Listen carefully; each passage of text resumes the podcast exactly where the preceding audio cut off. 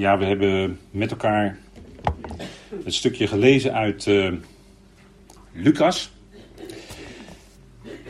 Een van de vier verslagen van het leven van onze Heer. En het gaat over het wonder in de synagoge.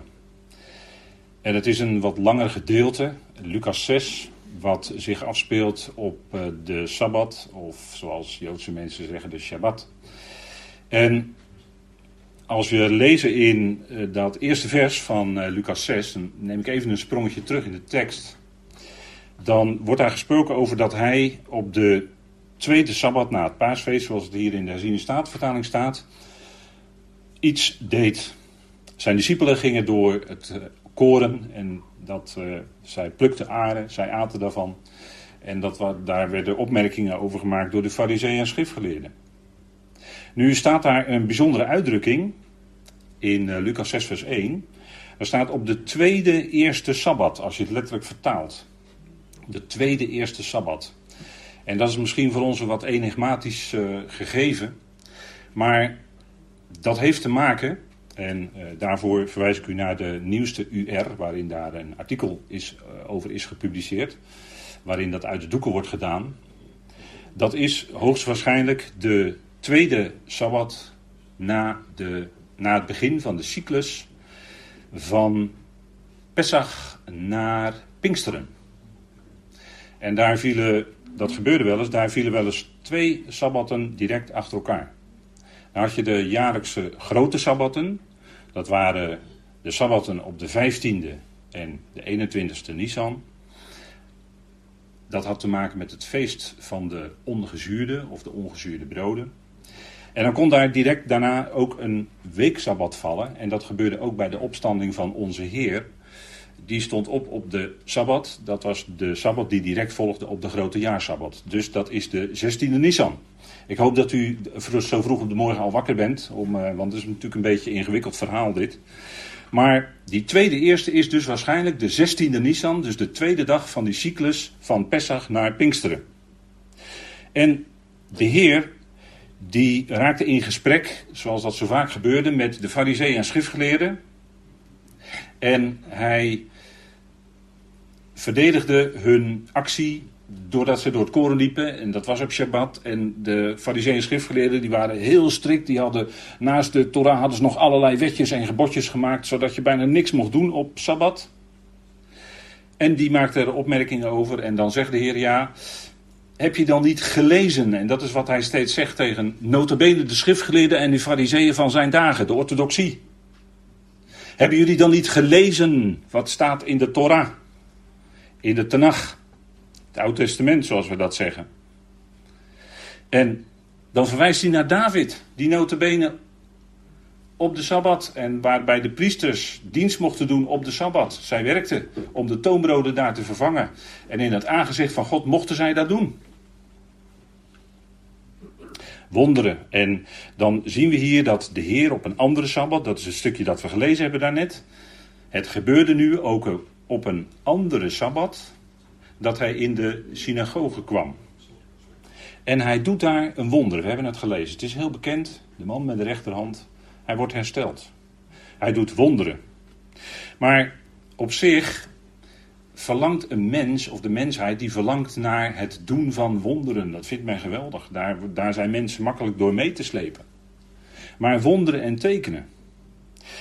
En in het bijzonder het woord teken. Want een wonder wat de Heer deed, was niet alleen een wonder. Zo van, ik heb uh, iemand met een, een, een rechterhand die het niet meer deed, heb ik hersteld. Dat was niet alleen een wonder, maar het was ook een teken. En daar ging het om. En waar was dat nou een teken van?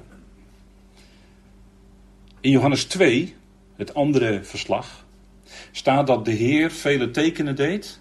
Johannes 2, vers 23, bekend stukje. Dat de Heer vele tekenen deed in hun midden, in het midden van Israël. En dat, hij, en dat ze daarom in hem geloofden.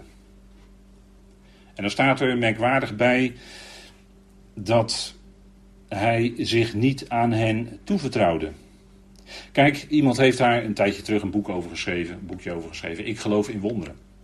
Maar wonderen zijn tekenen. En die werden gedaan door iemand met een hoofdletter. En daar gaat het om. Het gaat om hem. Veel mensen die willen wel geloven in wonderen, maar dat is vaak heel flinterdun. Dat geloof is zo weer weg, dat is zo weer weg te blazen. Het gaat niet alleen om het wonder wat gebeurt. Want die man die op dat moment op de Shabbat genezen werd, die stierf ook later weer. En zo was ook Lazarus, zijn vriend die uit de doden werd opgewekt, een enorm groot teken. Maar Lazarus stierf daarna weer. Het punt is dat, ja, wat, wat, uh, wat we zien, in ieder geval zijn daar, gebeurden daar wonderen en tekenen. En de Heer deed dat in de, in de synagoge. Notabene in de synagoge, in het midden van de hè, zoals de Joodse mensen dat zeggen. En later moest de Heer ook zijn volk ernstig toespreken. Een boos en overspelig geslacht, zegt hij, verlangt een teken. Maar jullie, dit geslacht, zullen geen ander teken ontvangen dan het teken van Jona de profeet. Kijk maar in Matthäus 12, hè, waar de Heer dat zegt. En eigenlijk kun je de geschiedenis van Israël, als we die geschiedenis van Israël uh, doornemen, dan zou je kunnen zien, als het, gaan, als het nu gaat in de schrift hè, om wonderen en tekenen, dan kun je eigenlijk op, op vier kenmerkende fases in, in, dat, in, in die geschiedenis eigenlijk van Israël, want dat heeft altijd met Israël te maken, kun je aanwijzen wa wanneer wonderen en tekenen gebeuren. Altijd bij bijzondere gelegenheden. De eerste fase was bij Mozes en Jozua. En dat is misschien een tijdspanne. Zij dwaalden 40 jaar lang in de woestijn. En ja, dat, uh, dat was natuurlijk een heel gebeuren. Numeri, uh, er staat veel over in de schrift. En de vier fasen ziet u hier samengevat. Mozes en Jozua was de eerste fase. Toen gebeurde tekenen en wonderen. Bij Mozes geweldig, de doortocht door de Rode Zee. Het was niet de Schelfzee, maar dat was de Rode Zee. Bij Jozua de doortocht door de Jordaan bijvoorbeeld. Bijzondere gebeurtenissen. Er gebeurden tekenen en wonderen. Mozes was in staat in het oog van de farao uh, tekenen en wonderen te doen. Als teken dat die God van Israël zijn volk uitgeleide zou doen en hij zou laten uittrekken uit het land Egypte. Uit de slavernij. Bevrijding. Bijzonder gebeuren. En dat gebeurde in een tijdspanne, zou je kunnen zeggen, van misschien maar 48 jaar. Want hoe lang heeft het geduurd? De uittocht, 40 jaar in de woestijn, intrekken in het land Canaan onder Jozua. En natuurlijk, Mozes en Jozua zijn beide natuurlijk geweldige heenwijzingen in hun leven, in hun wat ze deden en wat ze zeiden naar de grote profeet die zou komen. Waar ze op wachten, die voorspeld was in Deuteronomium 18. Bij een volgende bijzondere gebeurtenis was bij Elia en Elisa. Toen was het rijk, hè, dat was één rijk, maar dat was inmiddels gesplitst onder, uh, na koning Salomo. In het noordelijke tienstammenrijk onder koning Jerobeam. Dat was de eerste. En het zuidelijke tweestammenrijk, Juda en Benjamin, onder koning Rehabeam. Wat de zoon was van Salomo zelf. En Elia en Elisa. En u weet, Elia was vooral betrokken in bij dat noordelijke tienstammenrijk, bij koning Agab. En hij deed geweldige wonderen. Onder zijn hand werden geweldige wonderen en tekenen vonden plaats. Denk maar aan vuur uit de hemel. De Baalpriesters, 400, stonden te kijken. De Baalpriesters die aten van de tafel van koningin Izebel. Die waren met afgoderij bezig. Baal betekent bezitter. En als je met afgoderij in je leven bezig bent, dan moet je uitkijken dat het niet bezit van je neemt. Vandaar Baal bezitter, hè? Dat, daar, daar zit natuurlijk wel een diepere laag achter. Nee, ze zouden blijven bij de God van Israël, Yahweh die hen had verlost uit Egypte. En Elia en Elisa deden wonderen en tekenen. Elia deed er zeven en Elisa deed er veertien. Een dubbel deel, want die had een dubbel deel van de geest ontvangen. En dat was dat de profeten, de profeten zouden mannen God zijn, die het woord zouden spreken. En als de koning zelf, de koning die een herder zou zijn voor zijn volk, terechtgewezen moet worden, zou de profeet dat moeten doen. Dus dat was niet niks. En vandaar bij die verandering zie je dus dat bij Elia en Elisa wonderen en tekenen gebeuren. Maar dat is niet gebruikelijk. We hebben hier uh, een volgend moment bij Daniel. Daniel, dat was ook een bijzonder gebeuren, want het hele volk was toen inmiddels in ballingschap gegaan naar de afgoderij. Eerst was het noordelijke tienstammenrijk in ongeveer 720 voor Christus weggevoerd door de Assyriërs. En later onder Nebukadnezar was begin 6e eeuw voor Christus was de twee stammen weggevoerd en onder andere Daniel, Ezekiel, die waren bij de ballingen. En toen die 70 jaren, want ze raadpleegden de schrift. Daniel was wel iemand die de schriften raadpleegde. En die had gezien bij Jeremia dat die ballingschap 70 jaar zou duren. En die tijd was bijna voorbij. En zo eh, werd Daniel, eh, kwam in bijzondere bediening aan het hof bij Nebukadnezar. En er gebeurde ook bij Daniel tekenen en wonderen. Denk maar aan Daniel in de leeuwenkuil. Wat een geweldige heenwijzing is naar onze Heer. Die zelf, ja, daadwerkelijk wel zelf ter dood werd gebracht. Maar daar is de, de geschiedenis van Daniel in de leeuwenkuil een type van. En, o wonder, Daniel kwam uit die leeuwenkuil. Hij was verlost als het ware uit de muil van de leeuwen. En zo was de Heer, werd zelf verlost uit de dood. De liturg had het vanmorgen over uitverkoren zijn, maar de uitverkorene met een hoofdletter is de Heer Jezus Christus natuurlijk. De uitverkorene bij uitstek, waarin alle anderen uitverkoren zijn. De gemeente, u en ik, wij zijn uitgekozen. In Hem staat er ook, hè? in Christus. Dat is steeds het refrein in dit eerste machtige eerste hoofdstuk van de Efezebrief.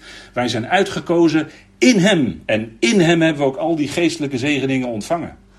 Hij is de uitverkorene van God. En Daniel was een type van hem. En hij, Daniel verwees ook naar de eindtijd. Zijn naam betekent ook mijn richter of mijn rechter is God.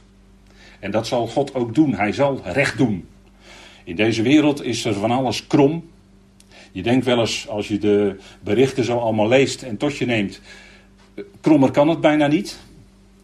Of moet ik zeggen, de leugen regeert. Citaat koningin Beatrix. Die leugen zal rechtgezet worden. Hij gaat komen, diegene die de waarheid is. Die gaat die leugen, alles wat op zijn kop gezet is, gaat hij weer rechtzetten. Dat zit ook in de naam Daniel. Mijn rechter is God. Als hij komt, worden zaken rechtgezet. En ook dat is genade. Ezekiel had contact met de ballingen. Maar Daniel niet zo, hè? dat was een andere, die had een wat andere functie. En dan tenslotte, en dan komen we toe naar ons wat we gelezen hebben in Lucas 6. Hè? De Heer Jezus en de apostelen deden ook tekenen en wonderen. En het was natuurlijk bijzonder dat dat gebeurde. De profeten had het aangekondigd. Jezaja had erover gesproken. Als hij komt, als de Messias komt, als de gezalfde van de Heer komt, dan zullen de lammen gaan lopen, dan zullen de doven horen, dan zullen de blinden het gezicht krijgen. En natuurlijk, letterlijk, letterlijk bij de Heer, ja, ja. Maar geestelijk, want tekenen en wonderen, waar is dat in feite een heenwijzing naar, naar de hogere geestelijke vervulling in onze dagen. Want u zegt misschien, ja, in onze tijd gebeuren geen tekenen en wonderen. Nee. Nee, we kunnen geen genezingsdiensten houden en mensen op het podium roepen die kreupel zijn of verlamd en die worden dan genezen. We kunnen dan niet tegen die mensen zeggen, in naam van Jezus, ik genees je. Dat gebeurt niet. Mensen worden niet genezen. Dat is verdrietig. Maar het is niet de tijd. De tijd was wel toen de Heer Jezus op aarde kwam en zijn messiaschap aantoonde door de tekenen die hij deed. De wonderen waren tekenen van iets. Het teken dat hij de gezalfde van God is. Dat hij de profeet is die zou komen. Waar de Joodse mensen generaties lang naar hadden uitgekeken.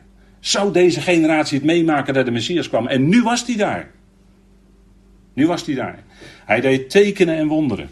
En dat deed hij uitgerekend op een Shabbat. Natuurlijk op een Shabbat zou je bijna zeggen. Want is de Shabbat niet een heenwijzing naar die zevende dag? De Shabbat is de zevende dag. Maar in het plan van God is toch die zevende dag de zevende duizend jaar. De komende duizend jaar, waar openbaring over spreekt. En dat is letterlijk hoor, dat neem ik letterlijk, die duizend jaar. Dat kun je niet afschepen alsof je eh, een, een ja, eh, even, even een heleboel woorden nu inslikken. Dat kun je niet afschepen door te zeggen, ja, dat, dat is alleen maar symboliek, die duizend jaar. Nee, dat is letterlijk.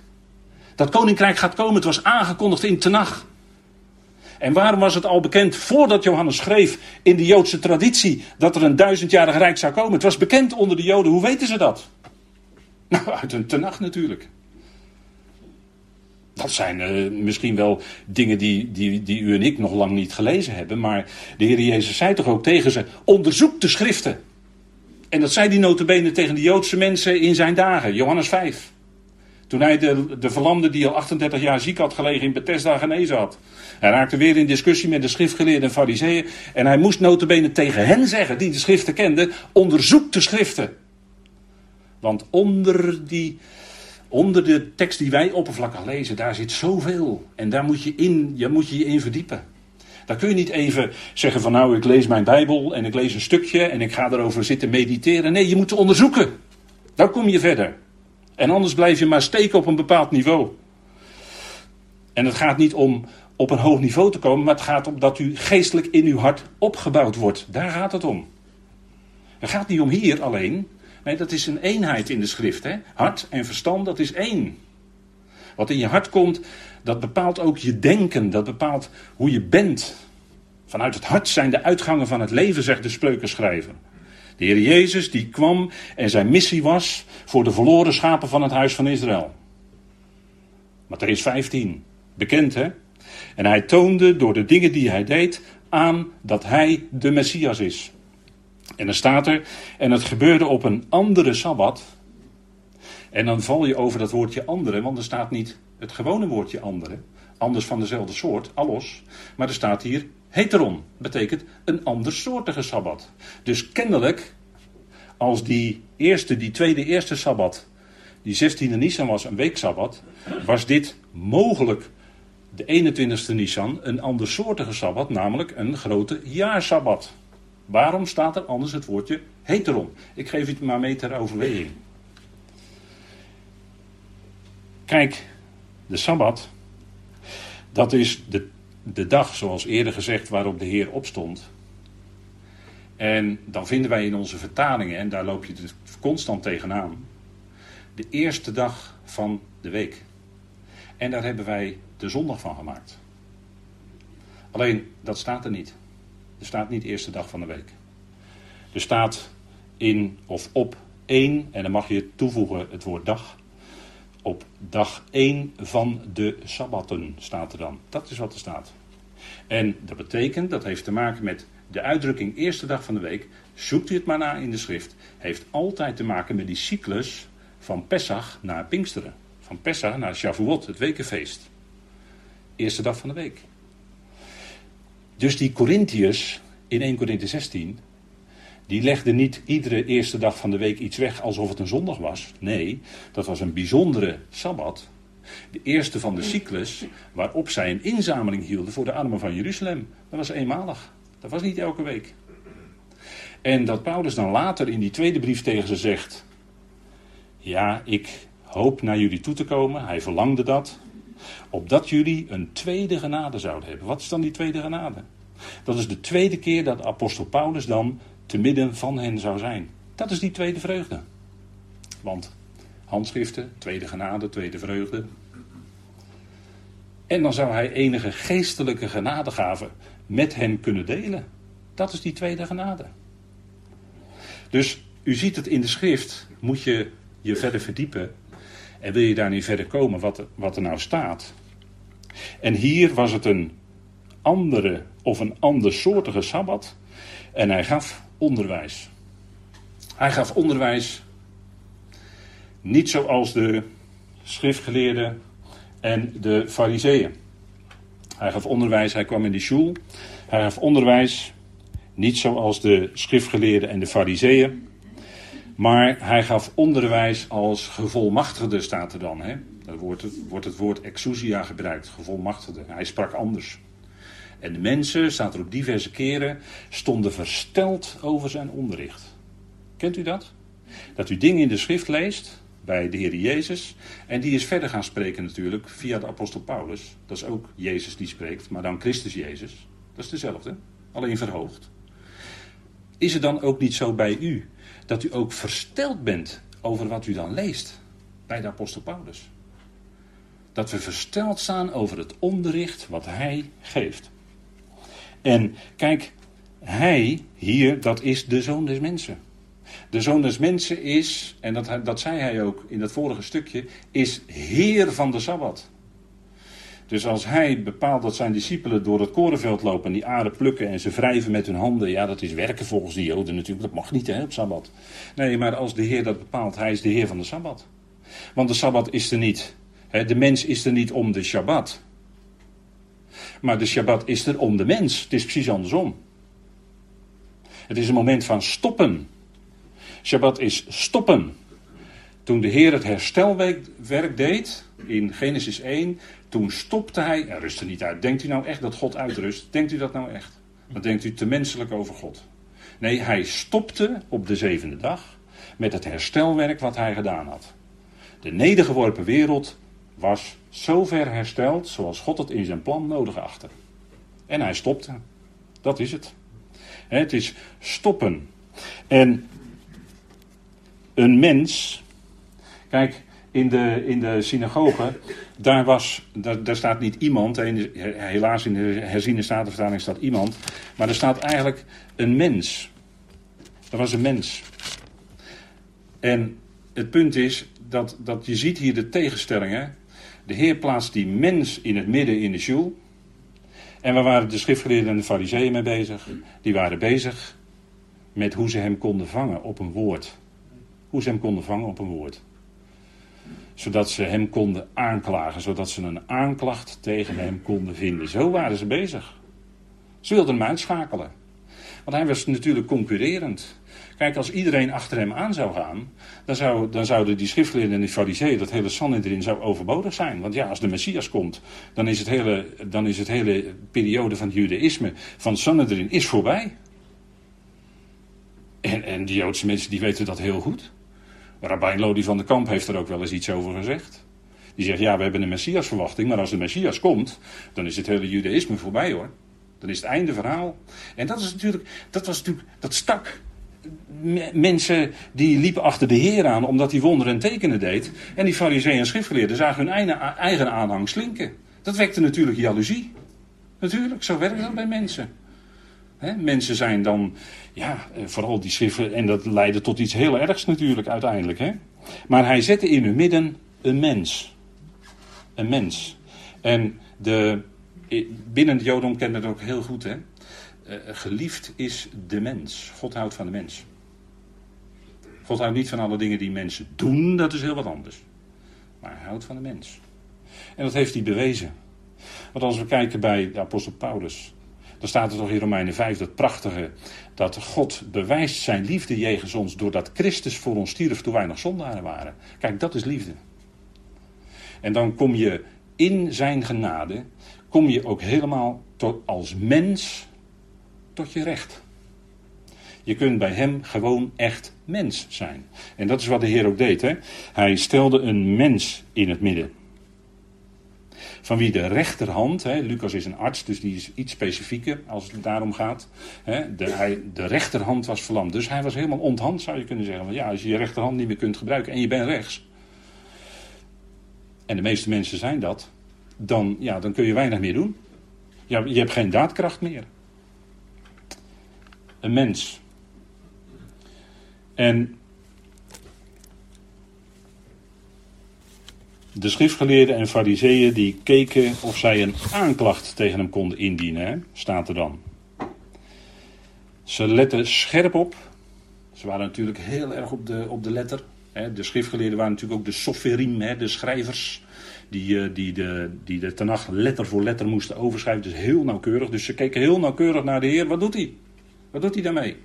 En, en, ze waren er vooral op gespitst of hij niet op een Shabbat genezen zou. Want dan doet hij iets op een Shabbat. En ja, dat is toch altijd een beetje tricky in hun ogen. Ze letten scherp op.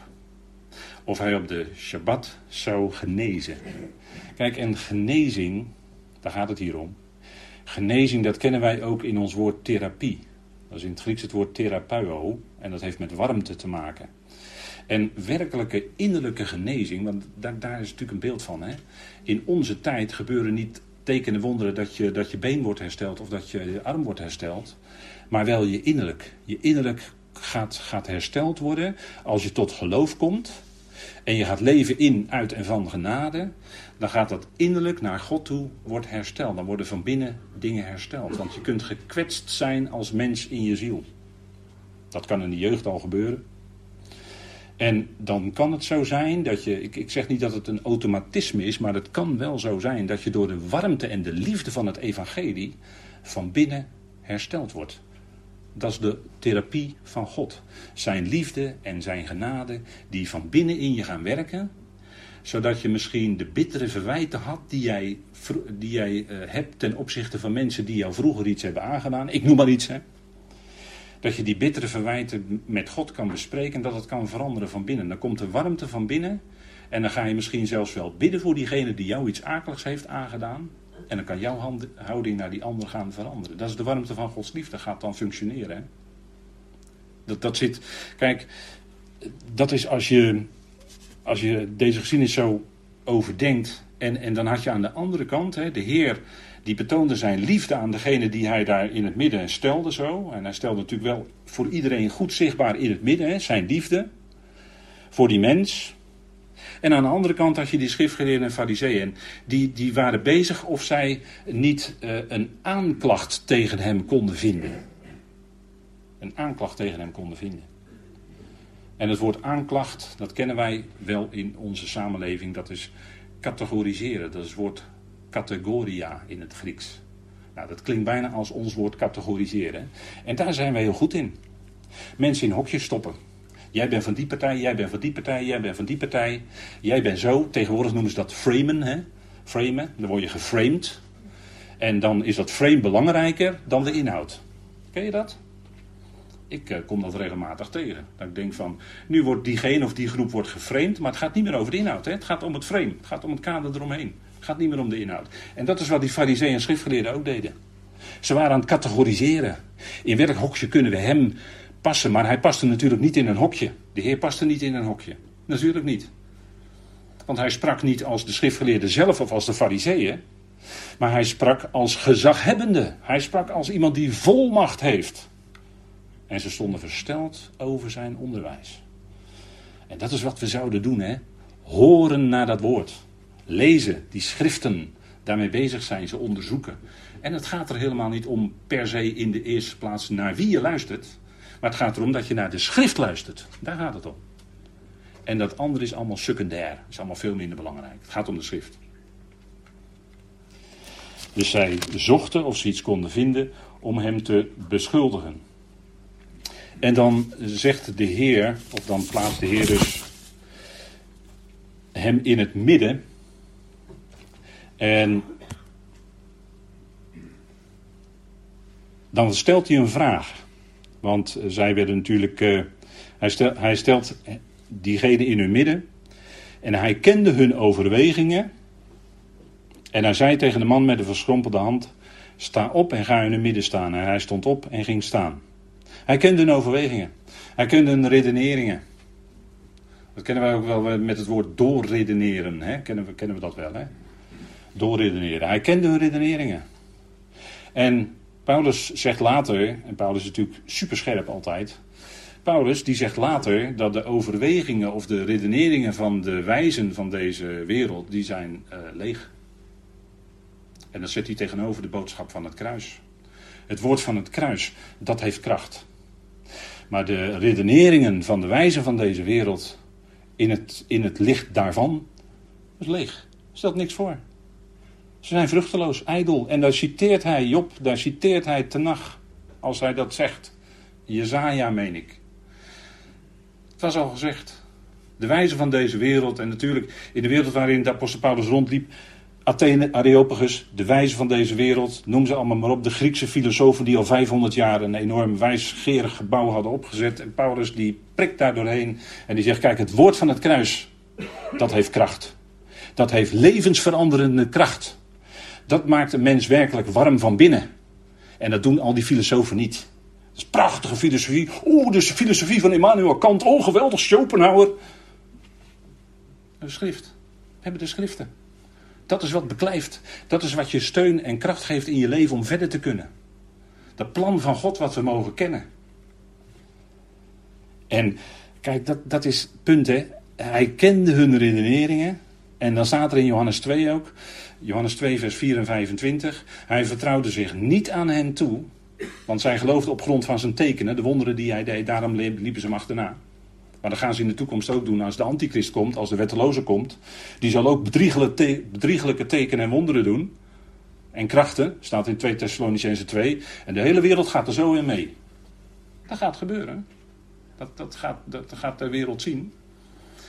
Maar ze, ze volgden de Heer om de wonderen en tekenen die hij deed. Maar dan staat er in Johannes 2, hij vertrouwde zich niet aan hen toe omdat hij wist wat in de mens was. Wat hij de mensen van binnenuit kende. Toen hij Nicodemus ontmoette, toen sprak hij met de leraar van Israël. En toen zei hij Nicodemus, wat ik je nu vertel over wedergeboorte. Ben jij de leraar van Israël en begrijp je zelfs deze dingen niet? Er was toch uitgebreid over gesproken in Ezekiel, in Jezaja, in Joel. Wordt allemaal gesproken over de uitstorting van de geest en de vernieuwing van het volk wat daardoor zou gebeuren. Nicodemus als de leraar van Israël had dat moeten weten, zeker, zeker. En toch beperkt, hè? Hij wist, hij kende de mens van binnen. Tegen die verlamde in Bethesda, die daar 38 jaar had geleden, gelegen en geleden. Eh, want er was steeds niet op tijd als dat water in beweging kwam. Hè, dat water was dood water en dat is eigenlijk een beeld van de wet. Maar dat water werd soms door een boodschapper uit de hemel werd in beroering gebracht, werd het levend water en daardoor konden mensen genezing ontvangen. Want de genezing ontvang je door levend water van het woord. Let u maar op, als het gaat over doodwater, heeft het te maken met de wet. Maar levend water, dat is wat hij gaf. Uit zijn binnenste, degene die gelooft, uit zijn binnenste zullen stromen van levend water komen. En dat heeft te maken met de vervulling van die schrift. Hè? En hij wist, en, en toen aan het eind, in Johannes 21, dan zegt Petrus tegen hem: Ja, Heer, u weet alle dingen. Toen de Heer hem drie keer vroeg: Heb je mij lief?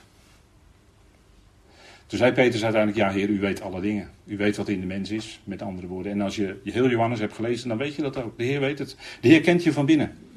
Wij kijken tegen elkaars buitenkant aan en we weten niet de diepste overweging in ons hart. De Heer weet ze wel. En dat, dat, dat moet u positief zien. Ik zie dat altijd positief. Want als we bij de Bemma zijn, dan zal al die verborgen raadslagen van de harten zullen openbaar worden. En dan zal ieder applaus krijgen van God. Bij de Bemma. Dat gaat gebeuren allemaal. Hè? En er worden ook alle dingen die tussen broeders en zusters zitten, dat wordt bij de Bema allemaal weggedaan. Allemaal weg. Nee, de Heer neemt het weg. Gelukkig wel zeg. Gelukkig wel. Ik ben daar heel blij om. En we kennen elkaars motieven niet altijd. En dat is jammer. Maar de Heer weet wat in de mens is. En hij zegt dan tegen die man met die verschrompelde hand, met die verdorde hand. Hè, verdord wil zeggen het is droog. Zit, je zou bijna zeggen er zit geen water in, er zit geen leven in. Verdord, hè. In de natuur, hè, als het droog is, gaat de boel verdorren. En dan moet je plantjes op tijd weer met het gietertje, weet u wel. Apollos moest dat ook doen, hè. moest ook met het gietertje rondgaan. Want gelovigen hebben dat ook nodig. Maar die verdorde hand. En dan zegt de Heer. Ja, waar is dit nou een beeld van? Waar is dit een beeld van? Die, die, diegene met die rechterhand, dat is een beeld van Israël. Israël had geen kracht. Ze misten hun jat, hun rechterhand. Ze hadden geen daadkracht. Waarom niet? Omdat er nog geen geest in zit. En dat ontmoette de Heer toen hij te midden van hen wandelde. En dat is helaas ook nu nog steeds zo. Als je in Jeruzalem komt, dan merk je, in Israël is het is nog niet wedergeboren. Er zit geen geest in. Helaas, ze zijn het volk van God, maar helaas nog geen geest. Dat gaat in de toekomst wel gebeuren. Dat is de belofte. En die man die is eigenlijk een beeld van het volk Israël. Niet in staat tot werkelijke daadkracht. Wat Israël zou moeten zijn, te midden van de volkeren. Een licht voor de natie, zei Jezaja 49 toch? Een licht voor de natie. Zij zouden de natie moeten leiden, maar dat was niet het geval.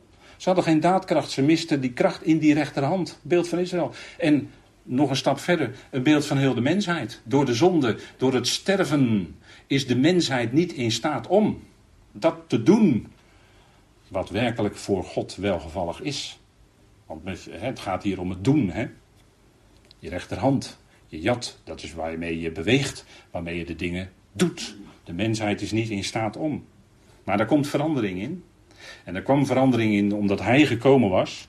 En dan zegt hij eigenlijk: word gewekt. Hij gebruikt het woord wekken of wakker worden. Word gewekt en sta op, zegt hij tegen diegene. En ga in het midden staan. En dat zal Israël ook gaan doen in de toekomst. Israël zal gaan staan in het midden van de volkeren. Zij zullen door de Heer gewekt worden. naar Hosea. Na twee dagen zal ik jullie uit jullie graven doen opkomen. Jullie zullen gewekt worden. En de Heer zal zijn volk dan zetten te midden van de volkeren. Als leidersvolk voor alle andere naties. En als licht van de naties. Zo zal de Heer in de toekomst Israël in hun midden stellen. Met een herstelde rechterhand, ja. Dan is die hersteld. Dan zit er leven in. Dan is die niet, niet langer verdord. En, en dat is de belofte hè, die hier in feite gezegd wordt. Hè. Israël natuurlijk, ook als je op de wereldkaart kijkt, staat Israël ook in het midden. Hè. Jeruzalem is in het navel van de aarde, zeggen we wel eens. Hè. Het middelpunt van de aarde, als je die wereldkaart ziet. En zo zal, dus letterlijk op de kaart, maar zo zal Israël ook geestelijk in het middelpunt gaan staan. Dat gaat gebeuren. En hij genas die mens. Hij genas die mens. En de Heer zegt: Ik vraag je, wat is geoorloofd op de Shabbat? Goed te doen of kwaad te doen? Een ziel staat er eigenlijk, een mens te behouden of een ziel. Wat is geoorloofd op de Shabbat? Goed te doen of kwaad te doen? Een ziel. Er staat niet mens, maar er staat eigenlijk ziel. Het ging om zijn, ging om innerlijk, ging om zijn ziel. En is dat geloof goed te doen of kwaad te doen? Hij stelt die. Hè? En de, Joodse mensen die zijn elkaar steeds vragen aan het stellen. En dan zie je dat de Heer dat ook doet. Als hij een vraag werd gesteld, dan stelt hij een wedervraag. Als een wetgeleerde bij hem komt en die stelt hem een vraag over de wet, dan zegt hij: uh, Wat staat in de wet geschreven? Hoe lees je? Lucas 10 bijvoorbeeld, de barmhartige Samaritaan. Vertelt hij dan.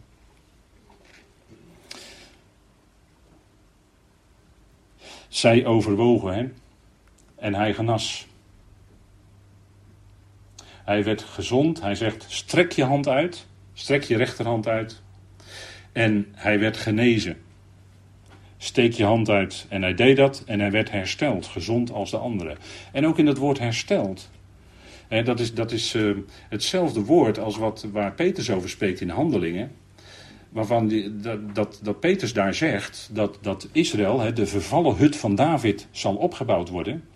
In de wederherstelling van alle dingen waarvan de profeten gesproken hebben. Nou, dat wederherstellen, dat is hetzelfde woord als wat hier staat voor die hand. En dat, daar zit dus een lijntje in naar het volk Israël, wat in de toekomst die wederherstelling van alle dingen in de duizend jaar zal meemaken. En er zal alles vervuld worden waarvan gesproken is dat het zou komen. En hij vervulde dat ook daadwerkelijk. Het ging om die ziel van die mens. En het ging ook bij de Heer natuurlijk om de ziel van Israël, waar een geest in moest komen.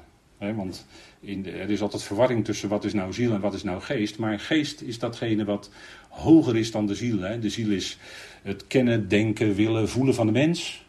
Maar de geest is datgene wat die ziel kan aansturen. De ziel. En hij stelde hem de vraag en daar gaven ze geen antwoord op.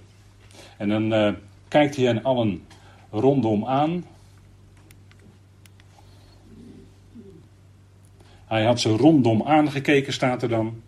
De schriftgeleerde fariseeën. En er staat er in een ander verslag in Marcus staat er dan. Dat hij hen aankeek vol verontwaardiging. Vol verontwaardiging. En tegelijkertijd bedroefd over de verharding van hun hart. Verontwaardiging, vermoedelijk vanwege hun ongeloof. Want daar liep hij constant tegenaan. Maar bedroefd tegelijkertijd, dat kan. Je kunt tegelijkertijd hevig verontwaardigd zijn over iets. En tegelijkertijd bedroefd over de verharding van het hart. En dat was de Heer ook. Hij was bewogen met zijn volk. Hij was met innerlijke ontferming bewogen over de mens die hij tegenkwam. En ook hier was dat, en bleek dat ook. En hij zegt: strek die, strek die hand uit, de uitgestrekte hand. Was het Mozes niet? Over wonderen en tekenen gesproken. Die zijn hand uitstrekte, waardoor er een pad ontstond door de Rode Zee. De Heer zei tegen Mozes: strek je hand uit. En hij deed het en er kwam een pad door de Rode Zee. Wordt nu nog verfilmd, hè? En dat is natuurlijk, dat, dat duidt op dat de Heer dan krachten gaat doen. En in handelingen refereert Petrus of Johannes, die refereert daaraan. En die zegt, kijk, die krachten, tekenen en wonderen, die gebeurden door de uitgestrekte hand van God. Want degene die uiteindelijk die wonderen en tekenen bewerkte, was God zelf. Dat zegt Petrus ook in Handelingen 2 in zijn toespraak. Dat God door de hand van de Heer Jezus die tekenen en wonderen deed, was Gods werk. En daarmee liet God zien, kijk, dit is de uitverkorene. Dit is de Messias die beloofd was. Dit is waar jullie al duizenden jaren op gewacht hebben. Na de oerbelofte al aan Adam en Eva gegeven. dat, dat, dat zaad van de vrouw zou de, dat zou de kop van de slang niet vermorzelen, maar zou het hevig verwonden, staat er dan. Want de slang gaat dan nog niet, de, slang gaat niet dood, hè, want dat is een geest. En zijn hand werd hersteld. En dan denk je, nou, die fariseeën en die schriftgeleerden, die zullen wel blij zijn. Dat die, dat die man genezen is. Maar helemaal niet, ze waren helemaal niet blij. Ze waren met hele andere dingen bezig. Ze waren bezig hem te categoriseren. Ze waren bezig hoe ze hem konden vangen op een woord. En zelfs toen hij zijn vriend Lazarus had opgewekt uit de dood, staat er in Johannes zelf. Daarna beraadslaagden zij hoe ze hem konden ombrengen. En dat gebeurde hier ook. Leest u maar in Matthäus 12, daar staat het ook. En Marcus 3. Legt u die geschiedenis maar naast elkaar. Dan heeft u het complete verhaal. En zij overlegden dus hoe ze die levensvorst, want hij gaf leven aan die man terug. Hij herstelde zijn rechterhand. En aan de andere kant zie je dus dat die wettisch ingestelde fariseeën en schriftgeleerden, ja, de wet, zegt Paulus later, 2 Korinthe 3, de wet is een bediening van de dood. De wet is een bediening des doods. De ziel die zondag zal sterven. Dat het niet altijd gebeurde, was vergeving van God, was genade van God. Maar de ziel die zondag zal sterven. De houtsprokkelaar op de Shabbat, lees nu maar die maar. De houtsprokkelaar op de Shabbat, die moest gedood worden. Houtsprokkelen. Nou, onschuldige bezigheid is er niet, hè? Maar hij deed het op de Shabbat. En dan moet je gestenigd worden volgens de wet. Was een bediening van de dood. Dat was een bediening van veroordeling. En dat is altijd onder wettisch ingestelde mensen. Die zijn altijd bezig te denken: waar overtreedt die andere gelovige de wet? Dan kan ik hem veroordelen. Want jij hebt niet voldaan aan de regel. Maar er is iets veel hogers dan de wet. Dat is genade. En dat is wat Paulus mocht dat is een veel hoger principe. Vraagt u het maar aan een jurist. Wat is een hoger principe dan de wet? Genade, dat je gratie krijgt. Onlangs nog in het nieuws, hè? mensen waren er verontwaardigd over. Er was iemand die gratie kreeg, van de koning, notabene. En mensen waren er verontwaardigd over. Gratie, genade, dat is een hoger principe dan de wet. En dat is wat Paulus mocht brengen. Notabene de wetgeleerde Paulus. Maar hij werd veranderd van binnenuit. Er was warmte in zijn hart gekomen. Hij had zeg maar therapie van de Heer gekregen in de Sinaï. Of in, ik moet zeggen in de woestijn van Arabië. Sorry, verspreking. Woestijn van Arabië. Daar had hij onderwijs van de Heer gekregen. En dat had zijn hart verwarmd van binnen. En het was een hele andere Saulus, Paulus geworden. En hij kon als geen ander dat hogere principe genade spreken. Wat ver uitgaat boven de wet. En dat is waar u en ik geweldig blij mee zijn. Ik denk dat u daar blij mee bent. Als ik zo uw gezichten zie, die staan niet allemaal blij, maar u bent er wel blij mee, dat weet ik. Oh, kijk, nu gaat het ineens veranderen. Ja, nou, ik ben er ook geweldig blij en dankbaar mee. En daar getuigen we van. En daar getuigt die Heer van. Hè? De uitverkorene bij uitstek. Die alles, maar dan ook werkelijk alles voor ons heeft overgehad. Alles. Tot in de dood aan toe. En God wekte hem op naar de belofte. Hij geloofde dat vader hem zou opwekken uit de dood. En vader deed het.